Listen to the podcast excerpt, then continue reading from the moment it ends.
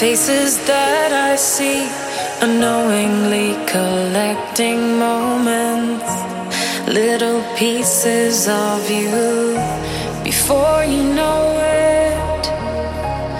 Visions change and photographs begin to fade. But when I look into the night, I can trace you in the stars.